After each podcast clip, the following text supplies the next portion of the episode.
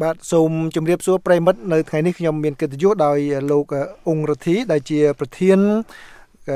នៃគណៈបកសង្គ្រោះជាតិនៅអាមេរិកនិងលោកអៀចាណាដែលជាអគ្គលេខាធិការនៃក្រុមប្រឹក្សាឃ្លាំមើលកម្ពុជា ដែលមានមូលដ្ឋាននៅប្រទេសណ័រវេសបានចូលមកក្នុងស្ទូឌីយោដើម្បីផ្ដល់បទសម្ភាសន៍ទាក់ទងនឹងស្ថានភាពនយោបាយនៅក្នុងប្រទេសកម្ពុជាបាទសូមជម្រាបសួរលោកទាំងពីរបាទ បាទជំរាបសួរបងកំសែងហើយមានកិត្តិយសណាបាទបានចូលរួមក្នុងវត្ថុសម្លេងសហរដ្ឋអាមេរិកបាទបាទសូមជម្រាបសួរបងកំសែងបាទបាទសូមអរគុណលោកទាំងពីរឥឡូវខ្ញុំសូមងាកមកខាងលោកអង្គរធីមុនដែលជាប្រធានគណៈបកសង្គ្រោះជាតិនៅអាមេរិកបាទលោកមកដល់ពេលនេះគឺស្ថានភាពនយោបាយហាក់ដូចជាមិនថមថយទេ គឺដំណើរការធម្មតាដែលមិន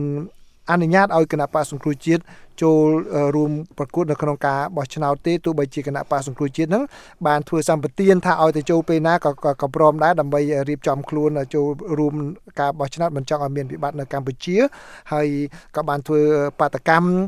ជាបន្តបន្ទាប់ទាំងនៅសហរដ្ឋអាមេរិកនៅអឺរ៉ុបនិងនៅជប៉ុននៅកូរ៉េខាងត្បូងឯជាដើម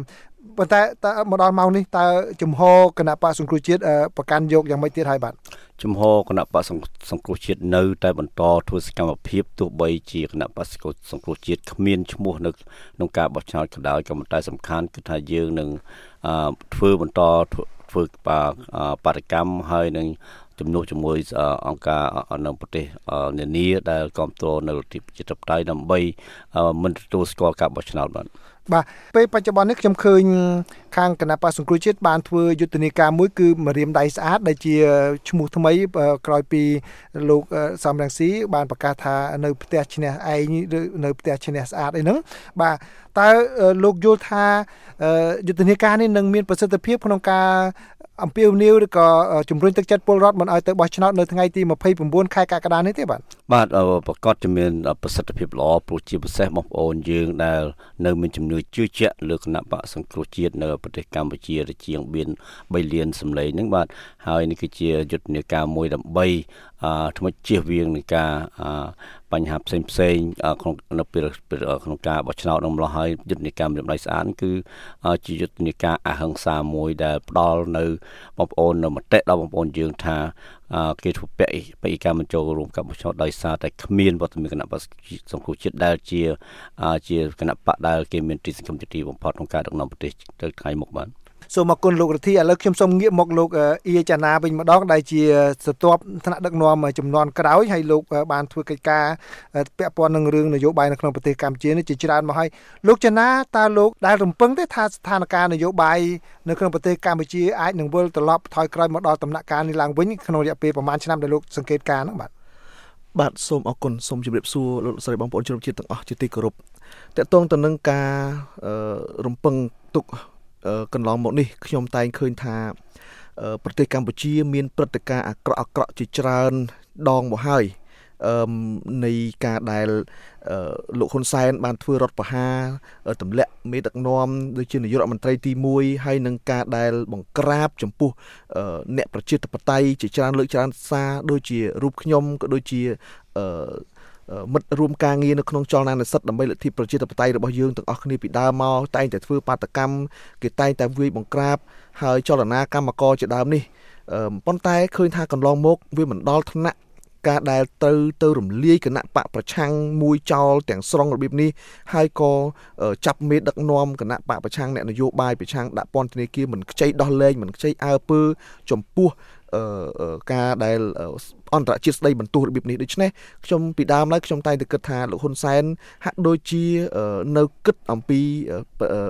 លទ្ធិប្រជាធិបតេយ្យអីចង់ស្ដារមុខស្ដារមាត់ខ្លះដែរប៉ុន្តែពេលនេះគឺជាពេលមួយដែលជាអាយុជីវិតសំខាន់ណាគឺថាលោកហ៊ុនសែនអត់ចង់ឲ្យមានលទ្ធិប្រជាធិបតេយ្យហេតុអីបានជាលោកហ៊ុនសែនមិនចង់ឲ្យមានលទ្ធិប្រជាធិបតេយ្យនេះតាមទស្សនៈរបស់លោកនោះបាទអ្វីដែលសំខាន់គាត់ដឹងថាបើមានលទ្ធិប្រជាធិបតេយ្យគឺគាត់ពិបាកនឹងកាន់អំណាច ពីព្រោះនៅក្នុងសង្គមប្រជាធិបតេយ្យគឺគេត្រូវផ្ដល់សេរីភាពសារព័ត៌មានផ្ដល់សេរីភាពក្នុងការបញ្ចេញមតិតាមរយៈគ្រប់រូបភាពដូចជាមានអង្គការសង្គមស៊ីវិលចូលរួមធ្វើកិច្ចការងារមានអង្គការសារព័ត៌មានហើយនិងគណៈបកនយោបាយចម្រុះដែលមានសេរីភាពក្នុងការចូលរួមប្រកួតប្រជែង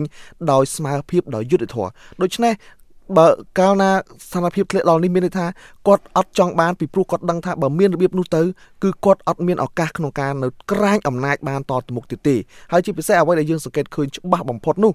គឺគាត់ដឹងអំពីកម្លាំងរបស់គណៈបកសង្គ្រោះជាតិដែលមានសក្តានុពលធំធេងអាចនឹងទទួលជ័យជំនះដោយស្រួលដោយងាយនៅក្នុងការបោះឆ្នោតជាតិឆ្នាំ2018នេះដូច្នេះគាត់ត្រូវតែរូតរះកំតិច ត្រូវរូតរះសម្រាប់គណៈបកសង្គ្រោះជាតិដើម្បីគាត់បានក្រាញអំណាចតទៅមុខទៀតដូច្នេះសរុបសេចក្តីទៅគឺដើម្បីតែអំណាចនិងផលប្រយោជន៍សម្រាប់តែគាត់និងក្រុមគ្រួសារតែប៉ុណ្ណោះបាទបាទសូមអរគុណលោកចន្ទណាដែលបានបកស្រាយពីរឿងគ្រោះថ្នាក់នៃលទ្ធិប្រជាធិបតេយ្យខ្ញុំសូមកលេចមកលោកអង្គរដ្ឋាភិបាលវិញម្ដងពាក់ព័ន្ធនឹងការស្ដារលទ្ធិប្រជាធិបតេយ្យនិងសិទ្ធិមនុស្សនៅក្នុងប្រទេសកម្ពុជាលោកសមាជិកសភា Ted Yoho របស់សហរដ្ឋអាមេរិកបាន ចាប់ផ្ដើមឲ្យមានសេចក្តីព្រៀងច្បាប់មួយ គឺសេចក្តី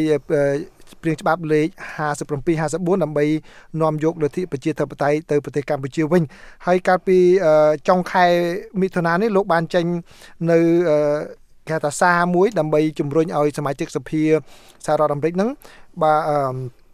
ចូលរួមបោះឆ្នោតក្រោយពីសេចក្តីព្រៀងច្បាប់នេះបានឆ្លងកាត់ដំណាក់កាលបន្ទាប់គឺ គណៈកម្មាធិការកិច្ចការបរទេសបានអនុម័តហើយនៅក្នុងចំណុចដែលលោកថិតយេហូបានសង្កត់ធ្ងន់គឺមានពីរចំណុចទី1គឺការលើកកម្ពស់លទ្ធិប្រជាធិបតេយ្យដែលជាតម្លៃមួយរបស់សហរដ្ឋអាមេរិកបានគោរពហើយនឹងយល់ឃើញថាលទ្ធិប្រជាធិបតេយ្យនេះនឹងមានផលប្រយោជន៍ទៅដល់សន្តិសុខជាតិផងដែរចោះដោយឡែកនៅក្នុងប្រទេសកម្ពុជា តើលោកយល់ថាអ្វីដែលលោកហ៊ុនសែនកំពុងធ្វើនេះវាមានការគម្រាមកំហែងយ៉ាងម៉េចដែរទៅដល់កម្រិតនៃសន្តិសុខនៅថ្នាក់តំបន់នោះបាទបាទនេះគឺជាការដ៏ល្អមួយក្នុងការឆ្លើយតបនៅអ្វីដែល លោកថេតយេហូបានលើកឡើង ជាពិសេសដល់របបលោកហ៊ុនសែនហើយក៏សូមអរគុណគាត់នឹងសភាផ្សេងផ្សេងដែល sponsor the bill 57 54នេះដែរគឺបងប្អូនខ្មែរយើងគ្រប់ទីកន្លែងនៅសហរដ្ឋអាមេរិកកំពុងតែទូរស័ព្ទយ៉ាងកកកទៅសភារបស់គេនីមួយៗតាមតំបន់ដើម្បីឲ្យគ្រប់គ្រងនៅ នៅនៅសេចក្តីព្រៀងច្បាប់57 54នេះបាទរឿងដែលលទ្ធិប្រជាធិបតេយ្យថ្ងៃយើងឃើញហើយថាលទ្ធិប្រជាធិបតេយ្យគឺកើតឡើងអំពីការចូលរួមការបញ្ចេញមតិផ្សេងផ្សេងការបោះឆ្នោតដោយសារីយុត្តិធម៌ហើយសម្រាប់យើងឃើញហើយថាគណៈបកដ៏ធំបំផុតរបស់ដែលជាគូបដិបកដ៏សំខាន់នៅក្នុងប្រទេសកម្ពុជាគណៈបក្សកុជាតិត្រូវបានតឡាការលោកហ៊ុនសែនរំលាយចោលដោយគ្មានមូលដ្ឋានច្បាស់លាស់ហើយព្រមទាំងប្រធានរបស់គណៈបក្សកុជាតិក៏ត្រូវជាប់ពន្ធនាគារជិត1ឆ្នាំហើយហើយបងប្អូនយើងតាមប្រព័ន្ធសារព័ត៌មានឯករាជ្យតាំងសកម្មជនដីធ្លីសកម្មជនប្រជាធិបតេយ្យផ្សេងផ្សេងក៏ជាប់ពន្ធនាគារដោយគ្មានមូលដ្ឋាន មូលដ្ឋានច្បាស់លាស់ផងដែរអញ្ចឹងគឺយើងឃើញហើយថាការបំបិតសេរីភាព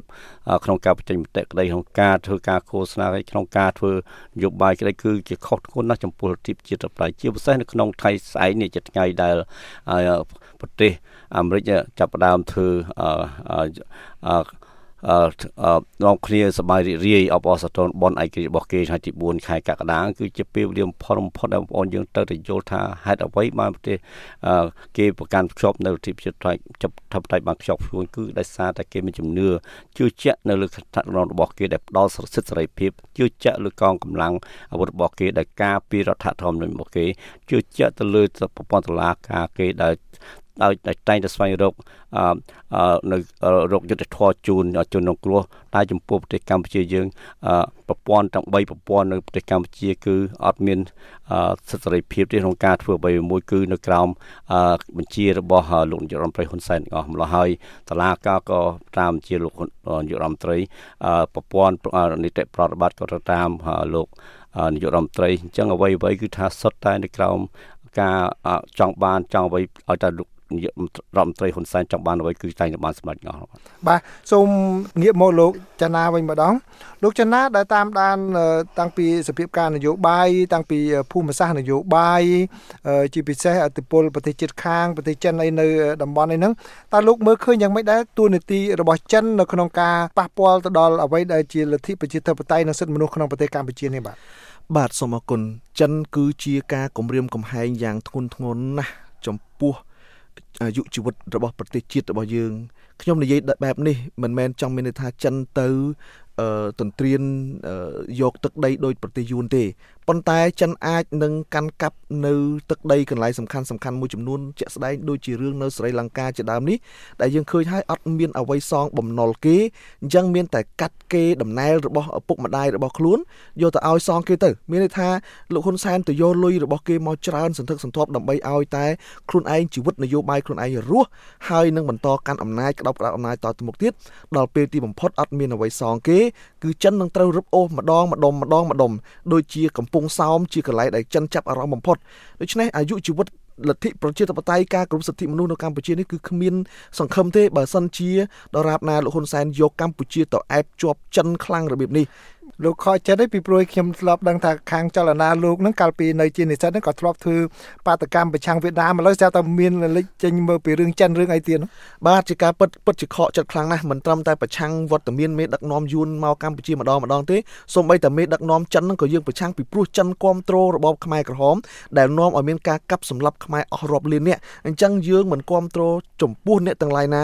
ដែលមកគ្រប់គ្រងមេដឹកនាំកម្ពុជាឲ្យកាប់សម្លាប់ប្រជាពលរដ្ឋនោះទេបាទអញ្ចឹងបាទលោករដ្ឋីត្រឡប់មកសហគមន៍ខ្មែរនៅសហរដ្ឋអាមេរិកនេះវិញម្ដងខ្ញុំដឹងថាខាងគណៈបកនឹងមានគម្រោងធ្វើបាតកម្មនៅពេលខាងមុខលោកអាចបញ្ជាក់បន្ថែមពីផែនការនោះថាតើធ្វើយ៉ាងម៉េចហើយនឹងមានការចង់បានយ៉ាងម៉េចទៀតទេបាទ បាទនៅក្នុងកំហាធ្វើបញ្ចេញមតិដើម្បីតស៊ូមតិនៅខាងក្រៅប្រទេសនេះមិនទទួលស្គាល់ការបោះឆ្នោតនិងជំរុញឬក៏បំពាក់អំព័ន្ធស្មារតីបងប្អូននៅប្រទេសកម្ពុជាកុំឲ្យចេញមកបោះឆ្នោតនឹងគឺថាយើង បានធ្វើមហាបដកម្មទូទាំងគ្រប់ទីកន្លែងដែលមានគណៈបក្សកុជាតិឬខ្មែរយើងរស់នៅ ជាពិសេសនៅក្នុងសហរដ្ឋអាមេរិកនិងកាណាដាយើងរៀបចំធ្វើ4កន្លែងបាទនៅ នៅខាងផ្នែកតំបន់ខាងកើតនៅសហរដ្ឋអាមេរិកគឺយើងជួបជុំគ្នាធ្វើមហាបដកម្មនៅឯរដ្ឋធានី Washington ដែលមានការចូលរួមពីថ្នាក់ដឹកនាំផ្សេងផ្សេងទៅតាមតំបន់នេះមកចូលរួមផងដែរហើយនៅខាងបែកខាងលិចគឺយើងធ្វើពីកន្លែងគឺនៅកាលីហ្វ័រញ៉ាយើងធ្វើនៅឯរដ្ឋធានីធំរបស់គេគឺ Sacramento ហើយនៅឯរដ្ឋ Washington គឺថាយើងធ្វើនៅឯទីក្រុងចម្បងរបស់គេគឺទីក្រុង អូឡ িম্প ាបាទនេះគឺជាគម្រោងរបស់យើងហើយក្នុងអូឡ িম্প ាគឺមានការចូលរួមអំពីខ្មែរយើងនៅកាណាដាពី Vancouver ផងដែរហើយនៅប្រទេសកាណាដាក៏ធ្វើធំមួយនៅឯ Montreal បាទនៅថ្ងៃជាមួយគ្នាពេលជាមួយគ្នាគឺម៉ោងថ្ងៃទី28ខែនេះបាទ 28និង29 28 29 28នៅខាងតំបន់តូចតូចប៉ុន្តែនៅ Washington រដ្ឋនី Washington យើងធ្វើថ្ងៃ29ពួកយើងធ្វើពីយប់ផងដើម្បីតាមដានការបោះឆ្នោតបាទសូមអរគុណចុះលោកចនាអ្វីដែលជាសារចុងក្រោយជាពិសេសទៅលើអ្នកបោះឆ្នោតអ្វីក្មេងនៅក្នុងប្រទេសកម្ពុជាដែលជាដូចថាស្ថិតនៅក្នុងវ័យប្រហាក់ប្រហែលលោកជាយុវជនដែរនោះបាទបាទអាយុជីវិតរបស់ប្រទេសកម្ពុជា គឺអាស្រ័យលើយុវជន អាស្រ័យលើពលរដ្ឋខ្មែរវ័យក្មេងនឹងទាំងស្រុងហើយពីព្រោះប្រជាពលរដ្ឋខ្មែរវ័យចំណាស់ហាក់ដូចជាបាក់ស្បាតបាក់ភ្នត់ហើយនៅក្រោមការគំរាមកំហែងក្រោយពីឆ្លងកាត់របបកាប់សម្លាប់វាលពិឃាតខ្មែរក្រហមយ៉ាងធ្ងន់ធ្ងរនេះដូច្នេះ បងប្អូនត្រូវគិតអំពីអាយុជីវិតរបស់ខ្លួនយើង និងអាយុជីវិតរបស់កូនចៅយើងទៅថ្ងៃក្រោយបើសិនជាបងប្អូននៅតែបន្តគ្រប់គ្រងមេដឹកនាំផ្ដាច់ការបងប្អូននៅតែបន្តបង្កើតមេដឹកនាំពុករលួយផ្ដាច់ការជិះជាន់បំបត្តិសេរីភាពរបស់យើងរៀបនេះគឺបងប្អូននៅតែរងទុក្ខវេទនាតោកយ៉ាអត់ថ្ងៃឈប់ឈរនោះទេដូច្នេះមានតែត្រូវរក្សាម្រាមដៃរបស់បងប្អូនឲ្យស្អាតហើយត្រូវរៀនធ្វើជាយុវជនត្រូវរៀនធ្វើជាពលរដ្ឋដែលមានសេចក្តីក្លាហាននិងពលរដ្ឋដែលមានសមត្ថភាពគ្រប់គ្រងអ្នកដឹកនាំកុំធ្វើជាពលរដ្ឋដែលឲ្យអ្នកដឹកនាំបញ្ជាតាមតែចិត្តគម្រាមកំហែងតាមតែចិត្តដូច្នេះបងប្អូនទាំងអស់គ្នារក្សាដៃស្អាតថ្ងៃទី29ខែកក្កដាឆ្នាំ2018នេះគឺបងប្អូនទាំងអស់គ្នានឹងនាំជោគជ័យពិតប្រាកដចំពោះខ្លួនយើងចំពោះកូនចៅរបស់យើងនិងជាពិសេសគឺសម្រាប់ជាតិរបស់យើងទាំងមូលបាទសូមអរគុណលោកអៀចាណាដែលជាអគ្គលេខាធិការនៃក្រុមប្រឹក្សាខ្លមើកម្ពុជាដែលធ្វើដំណើរតាំងពី Norway ឥឡូវមកដល់រដ្ឋធានី Washington ហើយនឹងលោកអង្គរដ្ឋីដែលជាប្រធាននៃគណៈបកសង្គ្រោះជាតិនៅអាមេរិកដែលឆ្លៀតឱកាសមករដ្ឋធានី Washington ហើយផ្ដល់បទសម្ភាសន៍ដល់ VOA នៅ studio បាទសូមជម្រាបលាលោកទាំងពីរបាទបាទសូមអរគុណបាទសូមជម្រាបលាបាទ